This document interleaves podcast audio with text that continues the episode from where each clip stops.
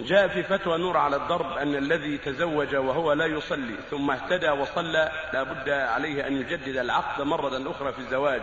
نرجو منكم تفصيل هذا تفصيل هذا. إذا كانت الزوجة مسلمة وهو لا يصلي فهو كافر ولا يصح الكافر ينكح المسلمات فالواجب أن يجدد العقد لأن الله قال جل وعلا لا هن حل لهم ولا هم يحلون لهن.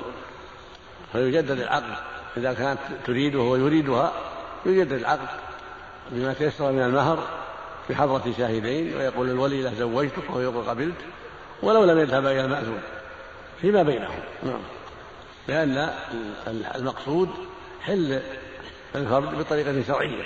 فإذا قال الزوج له زوجتك وهي راضية قال زوجتك وقال قبلت على ما تيسر من المهر ولو قليل بحضرة الشاهدين كفى ذلك. نعم.